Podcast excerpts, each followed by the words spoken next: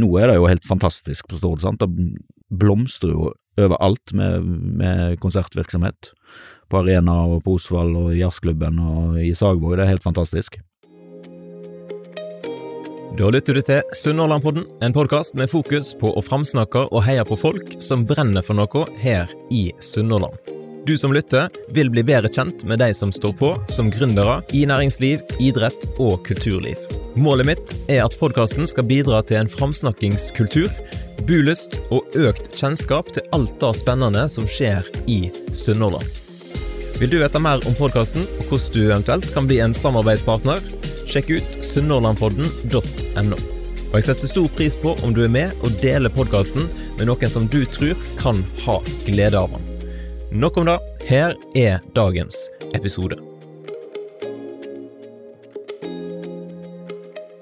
Dagens gjest er en ekte sangpoet, og musikken har tatt han mange plasser. Kanskje har du til og med sett han på The Voice på TV2. Velkommen til Sunnmørenpodden, Endre Engevik Olsen. Tusen takk, kjekt å være her. Nå slipper vi denne episoden søndag 26. februar, og hvis alt uh, har gått uh, sånn som jeg har tenkt, så har jo folk da sett uh, deg på The Voice nå på fredag, sannsynligvis. Ja. Hvordan føltes det å være med der? Å, det var veldig rart. Jeg tror rart er det, det, det ordet som ligger lengst framme i pannebarken. Hvorfor var det rart? Nei, jeg tenker jo i forkant at jeg skal gjøre det som jeg vanligvis gjør, og det er jo å synge og spille gitar, og kanskje en, at jeg skal synge coverlåter, og det har jeg for så vidt uh, gjort, men det, altså settingen er jo så langt vekk ifra uh, det som jeg vanligvis baler med, så du kan komme, sant? Det er, det, det er to minutter som gjelder, og så er det to dager med prøver, lydprøver, kameraprøver, intervju og alt det der. Så vanligvis er det jo kanskje to minutter førebuing og tre timer på scenen, eller noe i den duren. Så veldig sånn omvendt, og ja, rammene er helt sånn utrolig ja, langt, langt vekk ifra da å spille på pub, iallfall. Ja. ja, helt klart. Du sa at du valgte en coverlåt. Ja. Du valgte ikke noen av dine egne skrevne låter. Nei. Hva var grunnen til det? Nei, jeg tenkte litt på det der. Du setter jo opp en tre alternativ da, i forkant av en sånn runde. Uh, da hadde jeg nå den Bob Dylan-låten på første. Jeg tenker at det jeg holder på med når jeg skriver låter og framfører mine egne låter, har lite med den konkurransen å gjøre. Det handler om så mye annet Det er så mye annet som er vikla inn i det uh, opplegget der, da med alt ifra teksten, ord og eh, måten jeg spiller gitar på og synger på, og, og på en måte så hører nå da litt hjemme i en sånn sangkonkurranse, men, eh, men jeg hadde lyst til å ha det litt adskilt. Vi ser jo på The Voice her hjemme, og jeg ser jo at det er en god del av de som stiller med egne produserte låter, ryker litt på det, at ikke Ja, de ok. kjenner låten fra før. Ja, det var nok òg eh, Altså, den eh, Dylan-låten er jo ganske kjent, den. Men han er likevel ikke eh, blowing in the wind, på en måte. Så jeg, jeg ville at det skulle være litt gjenkjennelig, så ville jeg at det skulle være litt alvorlig. Og så ville jeg at det skulle være Bob Dylan av alle, i og med at det er en sangkonkurranse. og det kan du gruble litt på, men Bob Dylan blir alltid holdt fram som en sånn herre Han kan jo egentlig ikke synge, men eh, sant? Eller folk sier ja, hvis Bob Dylan kan, så kan jeg òg. Men det der har jeg aldri vært enig i. Jeg mener at Bob Dylan er kanskje den største vokalisten gjennom tidene. Såpass.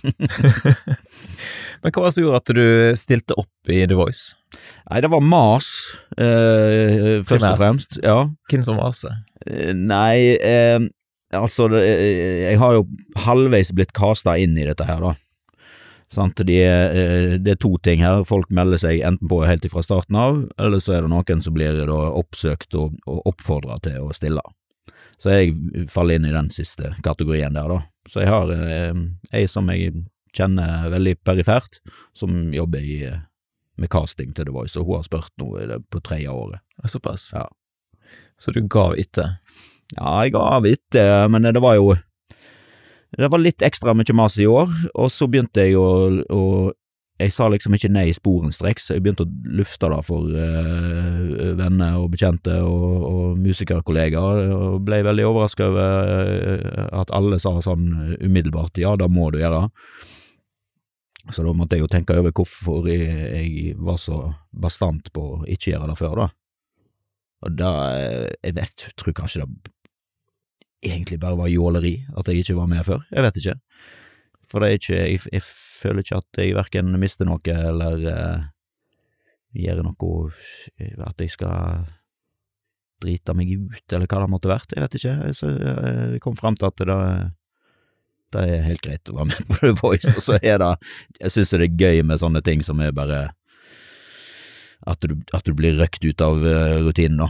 Ja. Ja. Syns du det er et generelt veldig høyt nivå på The Voice, da? Hvis du Ja. sammenligner med kanskje sånn som Idol var før, så kom det jo inn folk som absolutt ikke hadde noe ting Ja, der å gjøre, kanskje. nå har jeg, ikke, jeg har ikke sett så mye på disse her programmene, iallfall ikke de siste årene, men jeg husker at jeg reagerte voldsomt på, på sånn Idol og dette her greiene med at det var folk som tydeligvis var ja, kasta inn der nesten for at de skulle bli slakta eller utdretne eller i- på TV, da. Syns ikke det var så veldig stilig, men jeg har ikke opplevd det med The Voice, så da, da skal de nå ha ære for. Jeg så at du uttalte at du ikke eier konkurranseinstinkt, Nei. men kjente du ikke på det i hele tatt eh, før du gikk på scenen? Nei. Nei, ikke, jeg, jeg, kjente, helt ærlig talt, så kjente jeg ikke at jeg konkurrerte med de andre som hang på backstagen her. Altså, og jeg skjønner ikke helt hvordan en kan tenke hvordan kan en skjerpe seg inn mot en opptreden med å tenke at en skal konkurrere, det skjønner jeg ikke. Jeg skjønner det i, i forhold til å springe 60 meter, eller eh, være en del av et lag som skal vinne over et annet lag i fotball, eller hva det er, men altså, i musikk, nei. Det får, det får rett og slett bare være opp til dom, dommerne. Ja. Det, det er liksom ingenting du kan. Det, det er ingenting med den tankegangen som kunne påvirka min opptreden, hvis du skjønner. Men Hvis du tar oss med litt bak scenen der, rett før du skal gå inn på, Ja. på podiet og synge for eh, fire stoler egentlig som står med ryggen til. Ja. Hvordan oppleves det? Da er det da som er, da er en av de tingene som er utrolig rart, at du um, at du har for det første forberedt deg i to dager veldig sånn intenst med et svært apparat og kamera og, og, og, og proffe folk og regissører og produsenter og alt det der, sant, og så står du klar og går utpå, og da er det jo én ting som er normalt, og det er at det er publikum i salen, så det er for så vidt greit, og da, da var det stor hjelp at du kjente liksom bøsset ifra ekte folk, da, men det er jo de fire stolene der som er snudd, eh, da eh, er ja, veldig sånn trøkka Veldig trøkka stemning. Og så er det en annen ting, og da er det at eh, du du, du, du har sånn eh, monitor på øra, sant, sånn som dette, og så er bandet av scenen, du er den eneste som står på scenen, bandet de sitter ute i skyggene, så veldig sånn kon konsentrert på at eh, når den der eh, opptellinga kommer på øra, og så skal du begynne å synge. Så du, står liksom og nikonsentrerer deg, for hvis du ikke kommer inn for rett plass, så ryker liksom hele, da er bandet da, da du, spiller du ikke på lag med bandet, og da kan du ikke liksom bare kaste et blikk på bandet, og så komme deg inn igjen. Så, så da syns jeg var veldig da, da var veldig vanskelig å liksom skulle liksom leve seg inn i det, samtidig som du skulle ha kontroll på en sånn tikking i øra og bandet som satt en annen plass. Nå har jo Eh, folk, ja. folk sitt opptreden, kanskje, og hvis ikke Ja. så må folk eventuelt pause denne podkasten og så søke opp eh, på TV2 Play og, og se. Ja. Eh, For du kan jo nå avsløre litt eh, hvordan det gikk, da. Ja, nei, det gikk jo bra. Eh, gikk jo videre. Hvor mange som snudde seg. Jeg trodde bare at det var én, før jeg registrerte at det òg Altså, jeg trodde bare det var Espen, men så så jeg, når jeg hadde begynt å preike etterpå, at det lyste på hun Ina òg. Så hun har da snudd seg i Siste liten. absolutt siste liten, så da ble det et valg. Skal du avsløre her hvem du valgte, eventuelt for folk som ikke har sett episoden? Ja. Jeg tipper Espen. Ja, jeg gjorde det. Ja. Ja, det ble han. Hadde du bestemt deg for det på forhånd? Eh, nei, jeg, ja, jeg hadde tenkt at han Espen virker som en voksen og, og, og sindig type, og som eh, kanskje er den som eh, ligger nærest mitt eh, opplegg, type mann med gitar og låtskriving og, og det der, selv om han er ganske langt unna meg, da, men eh, ja. Hvordan går veien videre nå, da? Altså, eh, er du midt i opplegget med innspilling av flere episoder, eller er dere ferdige, eller hvordan er det? Eh, ja, altså, nå har jeg jo Dette er jo spilt inn i høst. Så enn så lenge, mens folk sitter og ser på oss, så er det opptak, og så blir det eventuelt live etter hvert. Ja. Alt etter hvor langt den kommer, men da får en holde litt Ja. Så folk må rett og slett bare følge med. Ja. vi må holde spenningen oppe litt. Ja, de må følge med. Hvis noen som lytter har vurdert å melde seg på The Voice, da har du noen tips eller råd? Eh, ja, hvis du er en sånn som meg som har holdt på eh, lenge og, og er noe trygg på det du holder på med, så er det ikke noe Bare meld deg på, det kan være gøy, da. Eh, og så ser jeg jo at de som er i overtall eh, av de andre som er med, da, er jo sånn type folk som er i, i oppstarten på et eller annet. Og, og, der, eh, og der handler det jo om å komme inn i noe som ligner på dette her eh, The Voice-opplegget. Veldig mange av de vil inn i en sånn ja, type virkelighet som det der, da. Og det vet jeg ikke så mye om. Eh, det kan godt hende at det, det der er en helt eh, kul måte å begynne på. Ja. Jeg, altså, jeg kommer fra en annen generasjon der, der det var vanlig å begynne i en annen ende, sant, med å starte band og finne et øvingslokale og kanskje få seg en spillejobb, men nå er det, det er nye tider, så jeg, jeg er ikke helt rette mann å spørre. Nei, sant. Vi må jo ta en tur tilbake igjen da, til disse her eh, oppstartsårene dine. Ja. Eh, For de som ikke kjenner Endre Olsen, hvordan vil du presentere deg sjøl? Nei, jeg presenterer meg som spelemann og far. og samboer. Ja. Stordabu. Ta den helt tilbake igjen, da. Hva er ditt første musikalske minne? Ja, jeg veit eh, litt om det, for det tenker jeg ganske ofte på. Altså, det er LP-samlinga til en onkel av meg på Fjellgardene, eh, som, og den besto av eh, nesten utelukkende heavy metal, da. Kombinert med, en, med Juba Juba-kassetten. Så, så Knutsen og Ludvigsen og heavy metal er, er det første jeg kan huske. Jeg kan ikke huske et liv uten Knutsen og Ludvigsen og heavy metal. Høres ut som en god barndom. Ja, absolutt. Hvis du kan si noe om hva musikken har betydd for deg da, opp gjennom din historie? Ja, det er jo et sånt utrolig, eh, utrolig svær greie, for, for musikken har vært der så lenge jeg kan huske, og, og den har vært der på en helt sånn, en veldig sterk måte. Allerede når jeg var fem-seks år gammel, så, så var jeg veldig sterkt inni det, da. Altså kunne alle navnene på hvem som spilte i alle band, og, altså Kiss og Maiden og Gunsen og alt dette her, og, og, og var veldig opptatt av det, da. Kunne låtene utenat, og, og, og visste hvordan jeg skulle stå når jeg spilte luftgitar til uh, gitarsoloene som kom. Så, så fra før jeg uh, både sang og spilte gitar, så har jeg vært inni det uh, med hele meg, på en måte. Begynte med luftgitar. Eh, Ja, det begynte med egentlig ikke en luftgitar, men, eh, men ei ishockeykølle som fungerte som, eh, som en Gibson Les Paul eller et eller annet sånt. Når begynte du å spille sjøl? Um, jeg tror jeg var ti eller elleve, iallfall i andre halvdel av uh, barneskolen. Så da lærte far min meg uh, Gubben Noah og de første grepa. Og så var det Lillebjørn Nilsens gitarbok med pappa. Og så veldig kort vei ifra da til at jeg klarte å finne ut en del sjøl, da. Med liksom å sitte med kassettspilleren og etter hvert CD-spilleren og høre og prøve meg fram på gitarhalsen, så jeg har liksom funnet ut en del sjøl, sånn sett, så gikk det jo veldig fort. Begynte på kulturskolen og jeg eh, begynte i sjette klasse, tror jeg. Stemmer. Jeg synes jeg leste en plass at far din òg hadde veldig god musikksmak. Mm. Ja, eh, hvis du tar onkel min med heavyen, og så pappa med, med Beatles og Springsteen og og sånn eh, type vestlandskultur. Han har jo stått masse på scenen sjøl, og, og sånn type Jakob Sande-ting og vise, og kunne ting utenat, og reise seg opp i festlig lag og by på en snutt, eller et dikt, eller hva det skal være, da. Eh, Det der greiene der òg har vært veldig vanlig rundt meg opp igjennom, da. Og Tora der spel og sånn, eh, ja, folkelig vestlandskultur.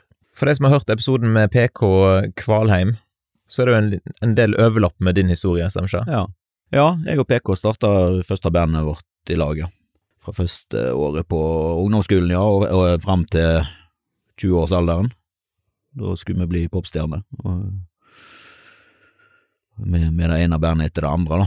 Men eh, ja, og det, det er i løpet av det året der at en begynner å skrive låter Hva var det da bandet het? Ja, Først heter det Pumpkin Massacre, Ja, stemmer. ja, og så heter det Wonderbelly etter hvert. Mm. Men du gikk på musikklinja, Ja. i motsetning til PK. Mm. Hvordan var musikklinja? Ja, det var helt fantastisk. Det er en veldig sånn romantisk eh, periode i livet å tenke på, da. Eh, vi var jo for oss sjøl nede på Kulturhuset, eh, i motsetning til nå når de er oppe i lag med resten, så vi var jo litt sånn ja, en egen klan og veldig tett sammensveisa, og på den tida der så gikk, var det jo opptil flere band i én klasse. da er det jo kanskje litt sånn svunnen tid at det var sånn, da, men eh, virkelig. Så det var eh, kjempemasse spilling, og ja, fikk liksom dyrka hobby og interesse og lidenskap. Jeg har inntrykk av at det var mye mer sånn bandkultur før i tida. Ja, jeg har inntrykk av det, altså. Hva er det som har skjedd der? Ehm, nei, det er vanskelig å si. Jeg tror det er veldig mange ting. Altså øh, Folk er opptatt av litt andre ting, og kanskje er ikke det like stort rom for å bare holde på med et eller annet som ikke skal bli så veldig fort målt i i et eller annet uh, målbart resultat, på en måte. sant? De, de, de framstår jo veldig flinke og målretta, disse her uh, ungdommene som vokser opp i dag. Så er med i gåsetegn kasta vekk tida på øvingslokalet. Jeg, tror ikke de har tid til det. jeg, tror de er så travle og målretta. Jeg vet ikke. Ja, kanskje. Ja, så jeg har, jo- musikken forandra seg og alt det der, jeg vet ikke. Jeg har ikke noe Times they are changing, rett og slett. Jeg fant en, eh, et sitat i Sunnmøre der du sa at du lett kunne vært en av de som, som kom litt på sida av samfunnet. Hva tenkte du på da? Ja, jeg husker at det sto på trykk. Jeg mener jeg, jeg har ikke ment det sånn at eh, jeg kunne havna på skråplanet, liksom. Men, men jeg, jeg var jo annerledes enn veldig mange av de andre, så at um, jeg, tror, jeg tror jeg snakker om det der at jeg faktisk hadde et kjempemange venner og, og, og var ultrasosial selv om jeg var eh, hadde spesielle og litt sånn nerdete hobbyer og så litt eh, rar ut i forhold til de andre og alt det der. Så sånn eh, eh, Ja, jeg, jeg var nok litt på utsida, selv om jeg var veldig inne òg. Og sånn er det litt ennå, tror jeg. I dag er episoden sponsa av Fonna Live. Er du glad i gode musikkopplevelser? Da bør du følge med på Fonna Live. For de har masse spennende på gang, og allerede lørdag 4. mars så er det konsert på Dittlabø og Savåg samfunnshus med Falkeid, Fasotte og Båtsvik og den fantastiske Magnhild Halland. Og framover så er det konserter med Daniela Race, Lars Bremnes og Unni Wilhelmsen på programmet. Du finner all informasjon på Fonna Live sine Facebook-sider. Og trenger du hjelp med et arrangement? Kontakt Ole Jonny Almås i Fonna Live, din totalleverandør innen event- og artistformidling. Stor takk til Fonna Live for at de hadde lyst til å være sponsor av dagens episode. Nå har du over 20 års erfaring som utøvende musiker, og, og du er god både på vokal og gitar og piano, bass, mandolin og banjo, har jeg lest. Ja, jeg er ikke god på alle de tingene. Jeg, jeg, jeg, Du kan. klare å fake meg gjennom det, ja. Er det banjo eller mandolin som blir faka mest? eh? Det er nok mandolin. Banjo, jeg er ikke så halvgalen på banjo, da, hvis jeg eh, Ja, banjo er litt lite brukt, eh, føler jeg. Ja, iallfall i enkelte stilarter. I andre Ja. stilarter så er det jo kjempemasse brukt. Og så spiller jo jeg de stilartene kanskje litt oftere enn alle andre. Det kan det være. Nå har ikke vi tid til å komme inn på alt som du har på den eh, musikalske CV-en, for da hadde denne episoden blitt eh, rimelig lang. Ja. Eh, men en ting som jeg fant som ikke var på den CV-en som jeg så, det var eh, navnet Angry Wasp. ja, står ikke det på CV-en min? Jeg, jeg fant det ikke, Nei. men eh, Mm. jeg har et rykte om at det da var et eller annet. Ja, det var jo eh, på en måte første gangen jeg ga ut noe som der jeg sto i front og sang sjøl og skrev alle låtene sjøl og ja, fronta mine egne greier, da.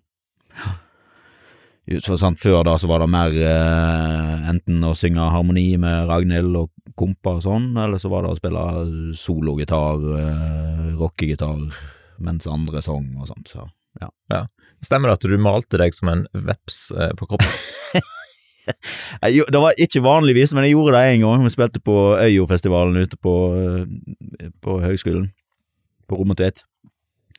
Og da hadde jeg bare overkropp og hadde eh, malt meg eh, med sånn, eh, i sånn vepse, gule og svarte striper, og da var jo en god idé, da, helt til denne malingen begynte å størkne midt i, i konserten, sånn at hver gang, hver gang jeg bevegde meg, så var det sånn Så det var, det var litt sjølpining, det og spesielt når den malingen skulle av etterpå, så var det Jeg hadde ikke mye hår igjen på overkroppen, ikke at jeg har så mye i utgangspunktet, men Sånn er det. Utdanningsmessig, der har du landa på en allmennlærer med musikk. Ja. Du var innom litt uh, forskjellige ting først. Ja, jeg var iallfall innom sånn typisk sånn uh, å, å gå og svive oppe på Blindern og evig studentaktig tilværelse. Men uh, ja, har lærerutdanning. Ja. Men du gikk ikke rett inn i læreryrket. Nei. Hva fant du på istedenfor? Jeg, eh, jeg flytta til England, ja, og ble værende der i et par år. Jeg, var der, og jeg har litt frykt for det der ennå, å, bli, eh, bare bli stuck i et sånt eh, A4, gå på jobb og hjem og lage middag-liv, og enda sterkere da, så da så, men jeg hadde fått noen kontakter i, i England, og jeg hadde vært, vært en del borte i Liverpool.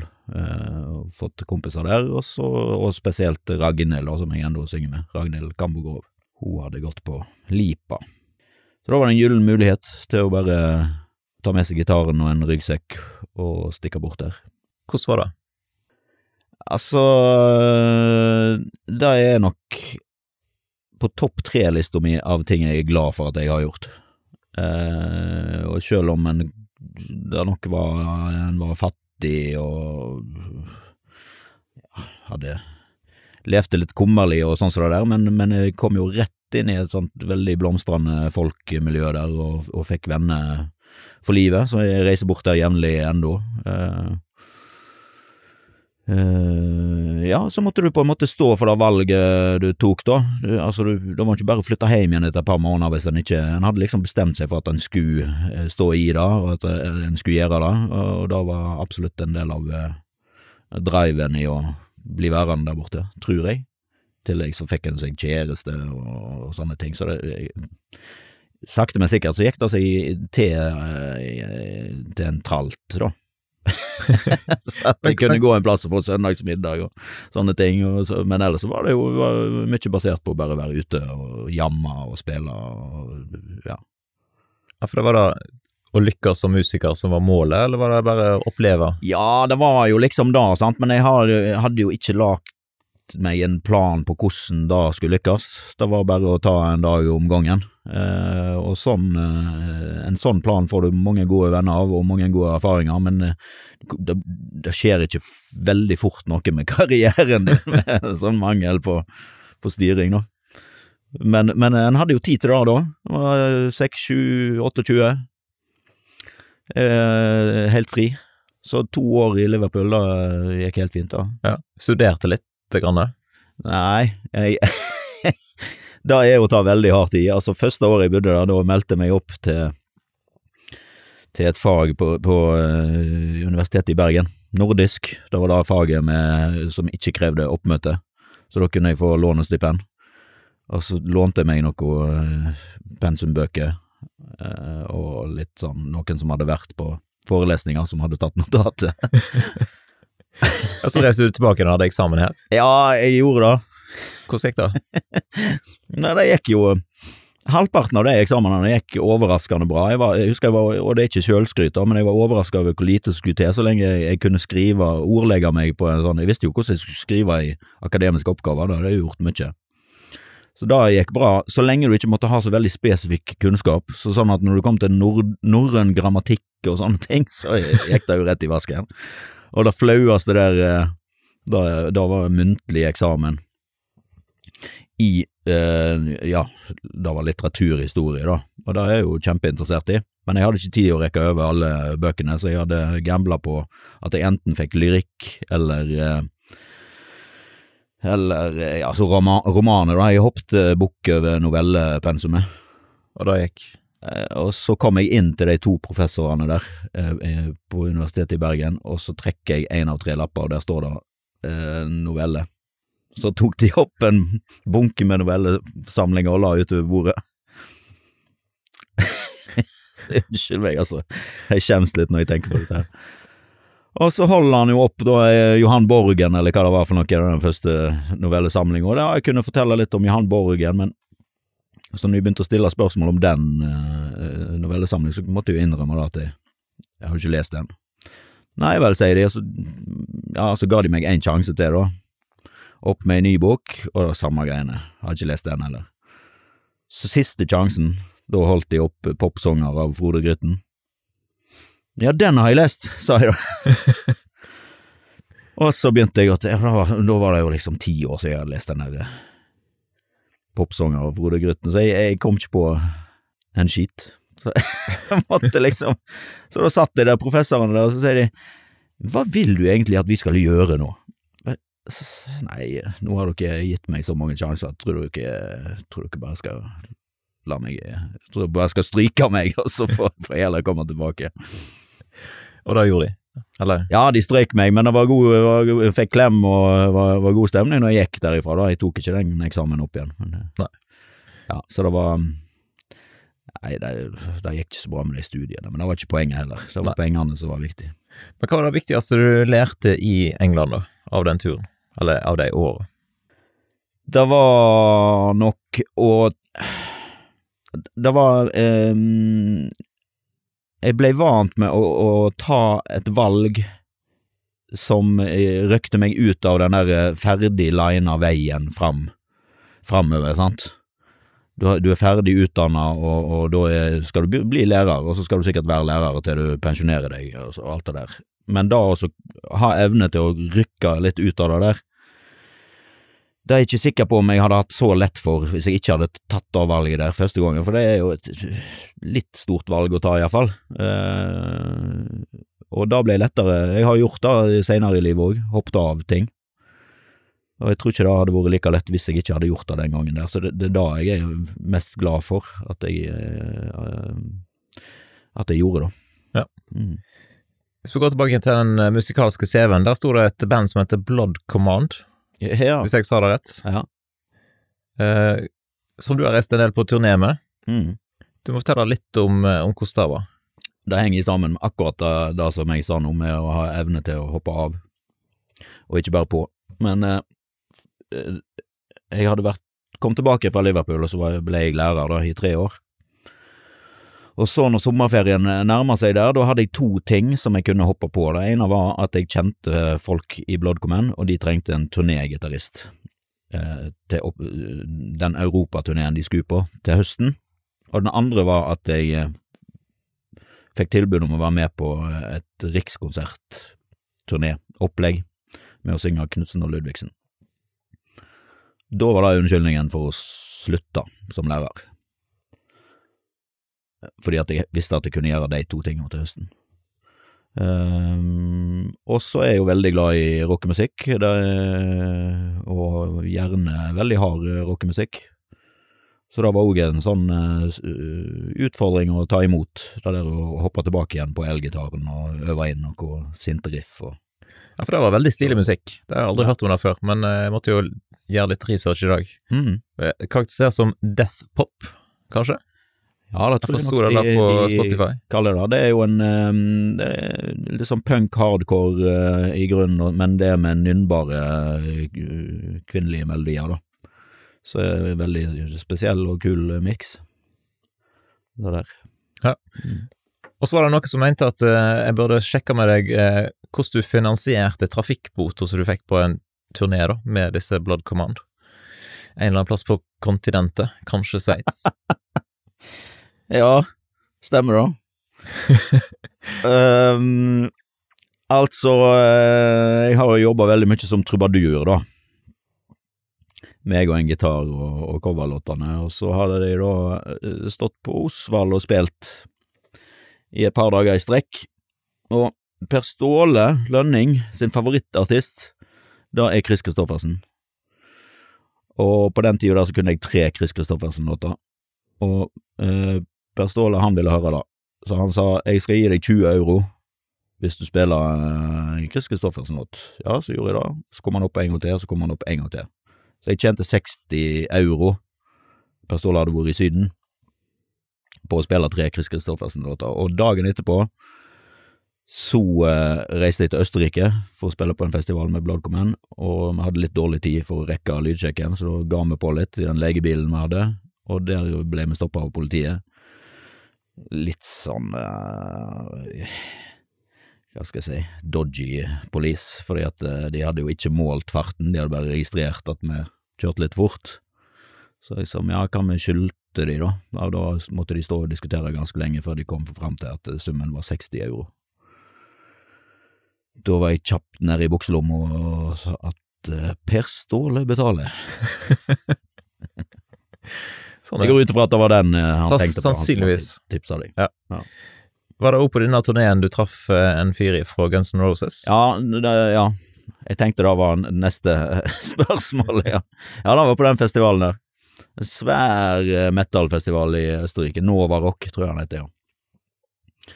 Og der spilte det jo folk Altså, delte jo backstage med han der Jared Leto og Sepultura og masse gamle helter. Det, og, og plutselig på, på backstagen der så ser jeg jo da at Duff McKagan, som da er eh, gud for meg fra oppveksten, altså bassisten i Guns N' Roses, så da var det å kvelve ned på en, en dunk med vin da, for å manne seg opp til å gå bort til han og Det hjalp da veldig. det ble eh, Det kan ikke ha vært en dunk med vin, for jeg husker det veldig godt.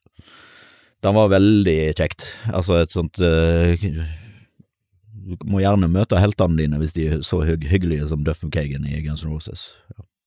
Nå har du spilt ganske mange plasser, både utenlands og innenlands. Eh, Jeg vil tippe at det har oppstått en del eh, litt artige historier. Ikke sikkert alt er liksom godkjent for, for podkast. Men har du noen favoritthistorier som du kan dele? Å, du verden. Det er- Det er umulig spørsmål, tror jeg. Det var noen som nevnte en konsert i Risør, eller ved Risør fyr, der du ble kompa av sjøfly. Det er ikke sikkert det kan være til de som var med, syntes det var morsommere enn deg.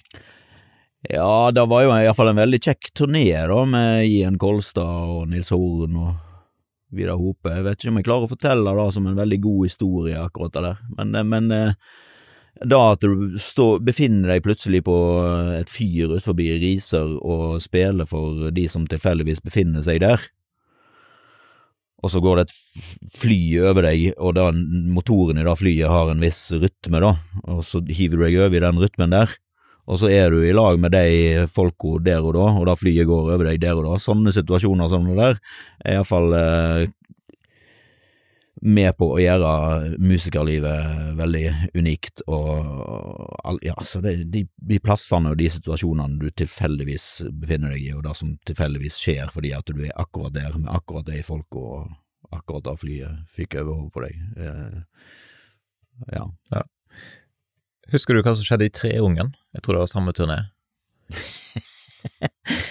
Jeg husker at vi spilte i Treungen, og det var kanskje 20 stykk på den der eh, ene puben i Treungen. Jeg husker at det eh, kom Når vi var ferdige å spille, så ble alle værende, og så bare kom den Kanskje, jeg tror det var to biler som parkerte ut forbi, og så var det å få hele puben, alle publikummerne og alle som jobba på den puben, inn i de to bilene, og bli kjørt ut til en eller annen gard, eller hva det var, og ha nachspiel.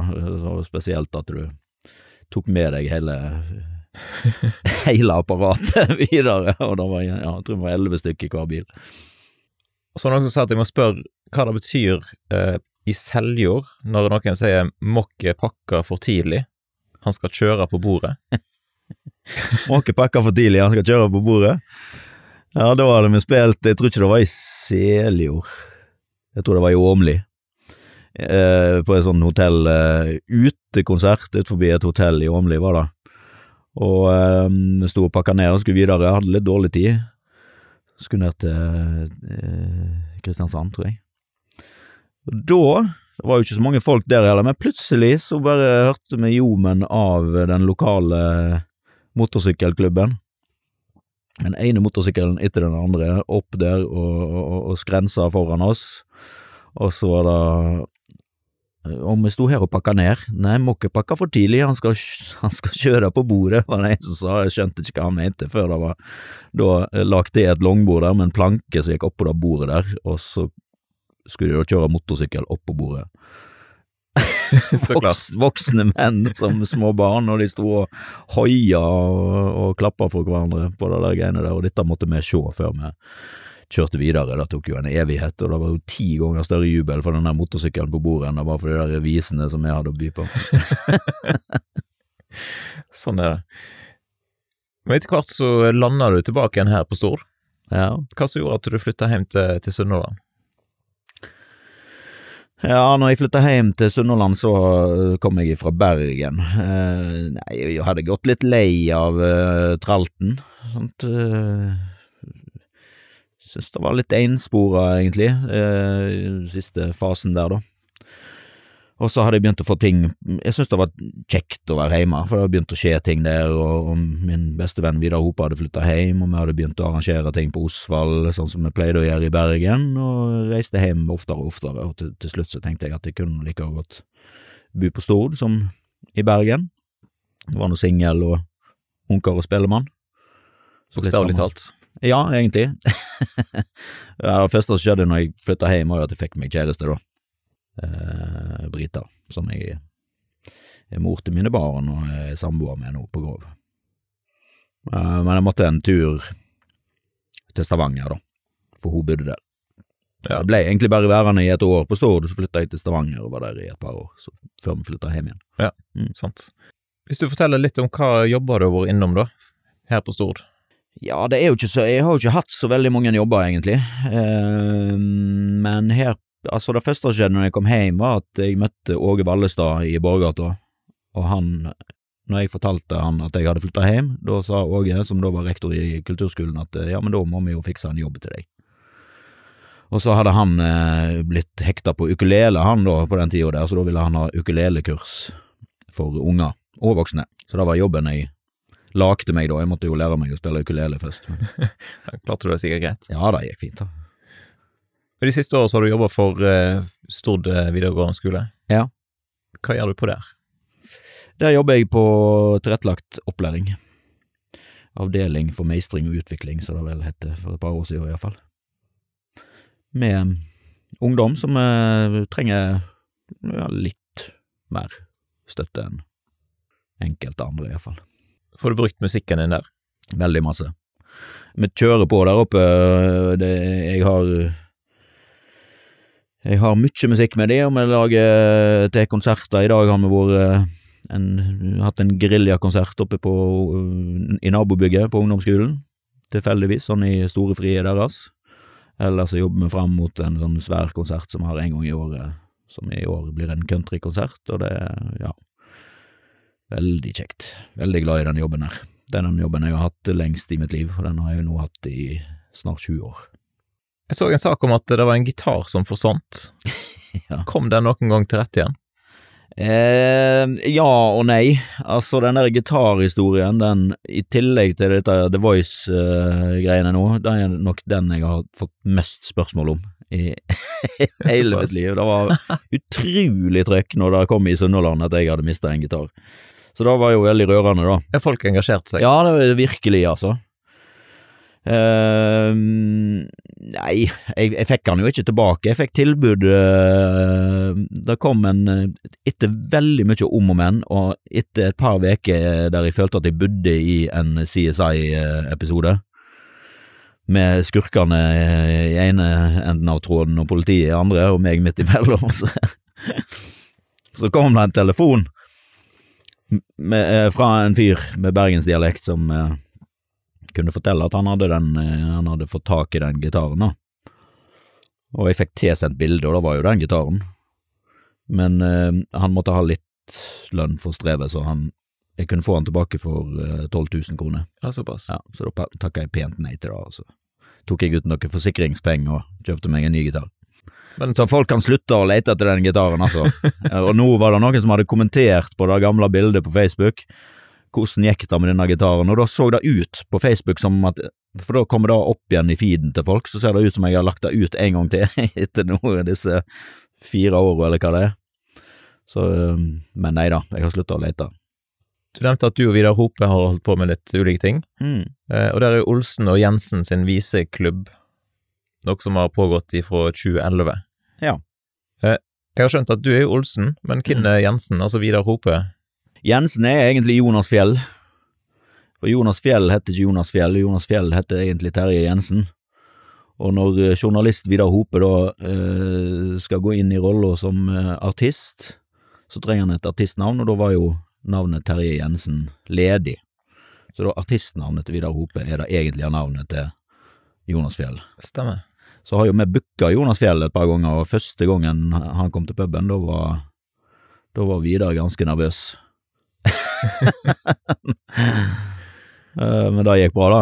Eh, Jonas Fjell sin respons var ja, sier du det, Eh, har du hatt noe suksess med navnet?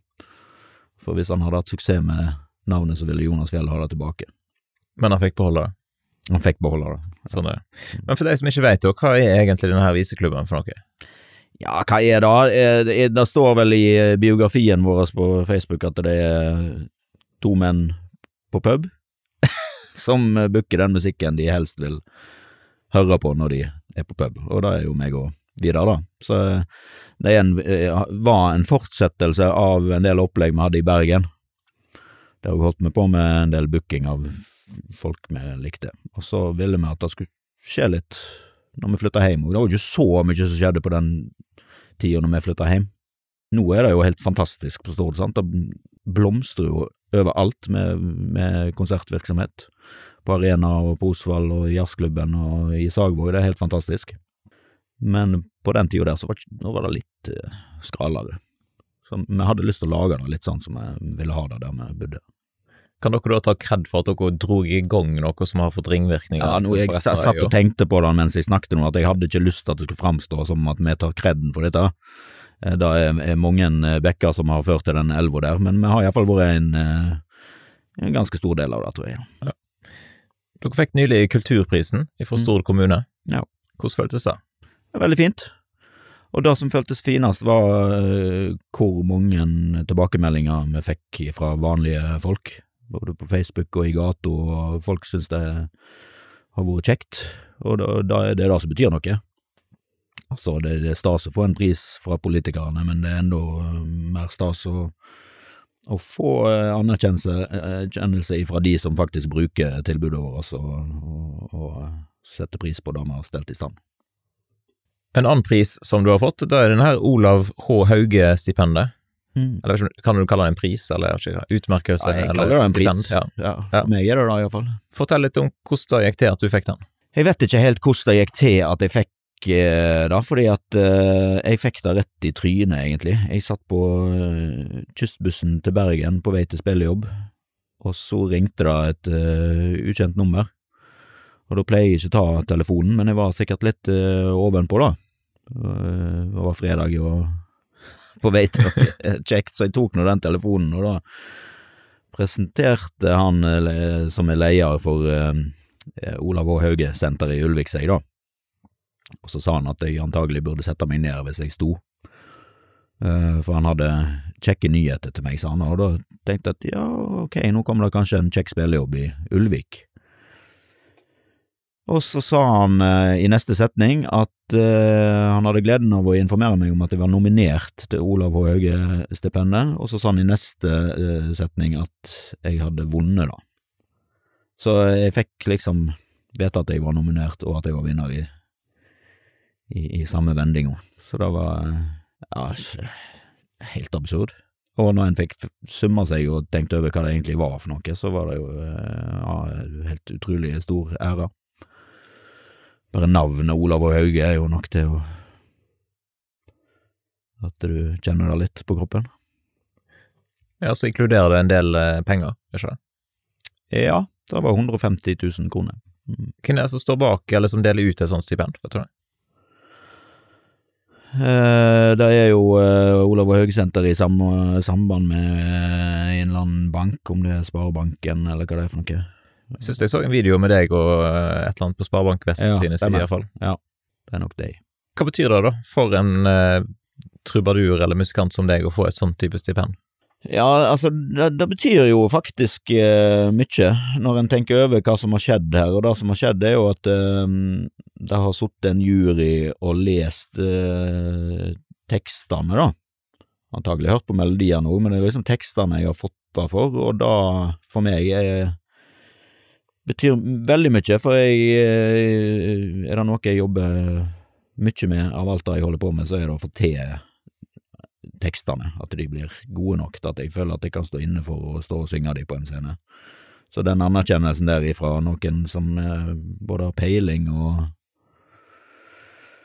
ja, vet hva de Altså, ja, det, det er stas, liksom. At eh, ok, da kan jeg fortsette med da, dette her med litt god samvittighet, kanskje, da. Ja. Mm.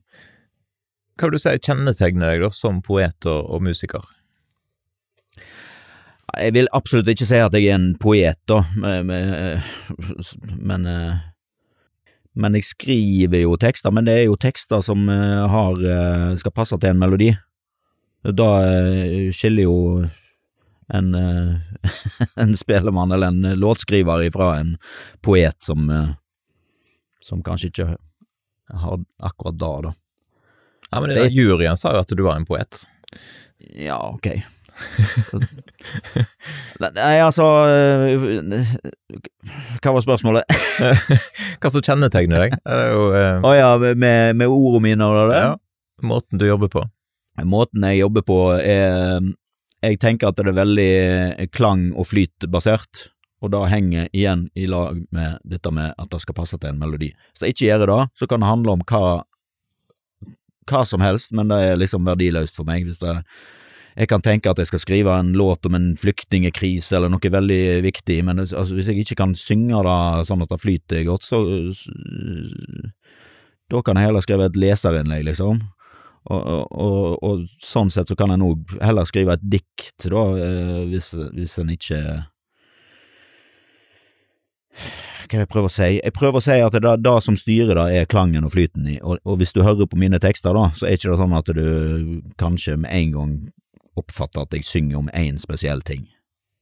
Fordi at den ene linja tar den andre litt, og, og, og, dette er vikla sammen. Det er Jeg uh, bruker enkelt hverdagsspråk fra Stord til å prøve å beskrive noe som kanskje er litt større, men ikke med store ord, hvis du skjønner. Sant? Du kan skrive en uh, setning som består av helt enkle ord, men uh, når, du, når, den setningen er ferdig, så kan den bety noe litt mer. Så jeg er veldig opptatt av å skrelle vekk sånne ord som uh, ikke klinger godt og sånne ting. Sjøl om kanskje, hvis de må til til å få fram et budskap, så dropper jeg heller det budskapet og finner noe annet. Så det er liksom det der, den enkle flyten i ord, og de enkle ordene som det var et veldig langt svar på Ja. ja. Hva har du tenkt å bruke stipendet til? Ja, nå er jo da eh, Mye av det er jo brukt, da. Jeg har eh, kjøpt meg utstyr til studioet mitt hjemme, og jeg har levd gjennom korona, og jeg har eh, brukt det på reise og spillejobber, og ja, så er det ikke så mye igjen av det. og har skatta for det òg. Og så skrev du et, et sånn tingingsverk for poesifestivalen i Ulvik. Mm. Fortell litt om hvordan du løste den. Ja, eh, altså jeg var jo inne og tok imot eh, stipendet ene året, og så kom jeg tilbake året etterpå, og da var dealen at jeg skulle presentere en konsert med nytt materiale, da, som jeg hadde skrevet liksom etter at jeg skulle liksom vise hva jeg hadde brukt pengene på, da. Så svaret på spørsmålet ditt jeg brukte pengene på å skrive en, eh, et tingingsverk, og da ble jeg ti låter som skal bli den neste plata mi, og det framførte jeg da på Poesifestivalen i Ulvik i høst. Ja, Hvordan jeg gikk fram eh, er typisk. Jeg hadde én låt, og den låten eh, fikk tittelen Skje det som skjer, jeg møter deg her. Og i dag så ligger det en eller annen, for meg så ligger det et eller annet univers der som de andre låtene kan passe inn i, da. Så setter du deg ned og jobber systematisk og legger sammen et puslespill. Mye godt. Ja. ja. Og de kom ut etter hvert? Ja, de kommer forhåpentligvis ut i løpet av uh, året. Ja. Nå er de innøvd og har funnet sine arrangement, og så må de spilles inn. Ja. Gis ut. Spiller du inn hjemme da, eller går du i studio noen andre plasser? Nei, jeg, eh, jeg lager demoene mine hjemme, og så eh, har jeg pleid å være i et studio i Bergen, eh, og da har vi spilt inn liksom eh, grunn, eh, altså kompe og sånt der, og så gjør jeg jo litt hjemme da med pålegg og vokal og sånt, stikker opp til Ragnhild i Gråvåsen og synger litt der, og så sender jeg da til en produsent. Men denne gangen har jeg lyst til å gå inn en plass og så bare framføre det, og så får det bli resultatet. Helt live. Mm. Mm. Hva andre planer og eventuelt turneer har du på gang framover? Nei, nå eh, står jeg eh, midt oppi eh, et sånt Ivar Medås-kjør, som jeg er veldig uh, begeistra for. Der eh, jeg og Roald Kallestad og Jørgen Sandvik, Ragnhild Kammergrov og Anders Bittestøyl eh, lagde jo, det var jo et tingingsverk da til en countryfestival på Voss i fjor, der vi skulle heidre Ivar Medås eh, sin sangskatt på vårt vis. Så det gjorde vi, og nå eh, tar vi det på veien Så vi spiller over hele Vestlandet i, i vår. Ja, såpass. Hvor er det folk kan gå inn og eventuelt sikre seg en billett, eller finne ut hvor hen dere skal ha konsert? Nei, da må du kan gå inn på min Facebook, den pleier å være oppdatert på hvor jeg spiller. Så nå eh, spiller vi på, eller når denne podkasten kommer på lufta, så har vi jo da spilt i på Stord og i Norheimsund og i Bergen, og så skal vi oppover til Vi skal spille på Bømlo eh, etter hvert, og så skal vi spille oppover eh, kysten, i Volda og Breim og ja. Så da er det på Facebook eh, folk helst bør inn og følge. Har du en type artistside, eller din, Ja. din ja. ja. Det er, hvis du søker på Endre Olsen, så er det det som har eh, trynet mitt eh, som profilbilde, og ikke ryggen min. ja, sånn, ja. Så da må jo folk inn og slå følge der. Gjerne da. Ja. Mm. Er det andre plasser de kan følge? Type Instagram og sånn, er du aktiv der?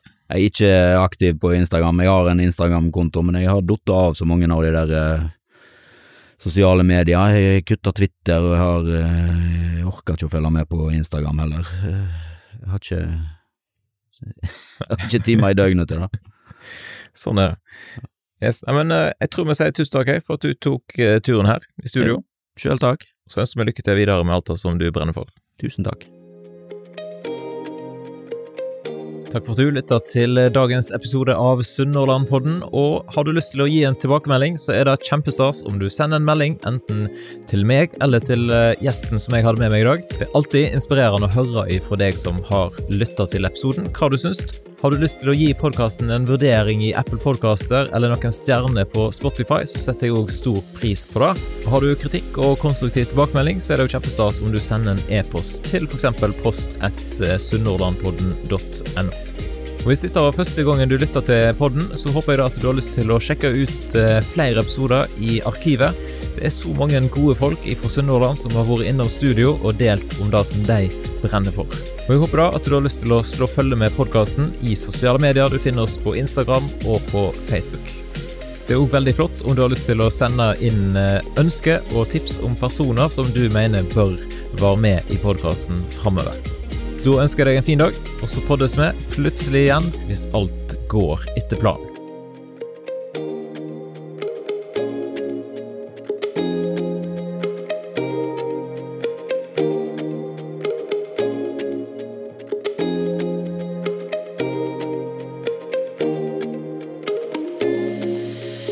Podkasten er produsert av Kjetil Fyllingen.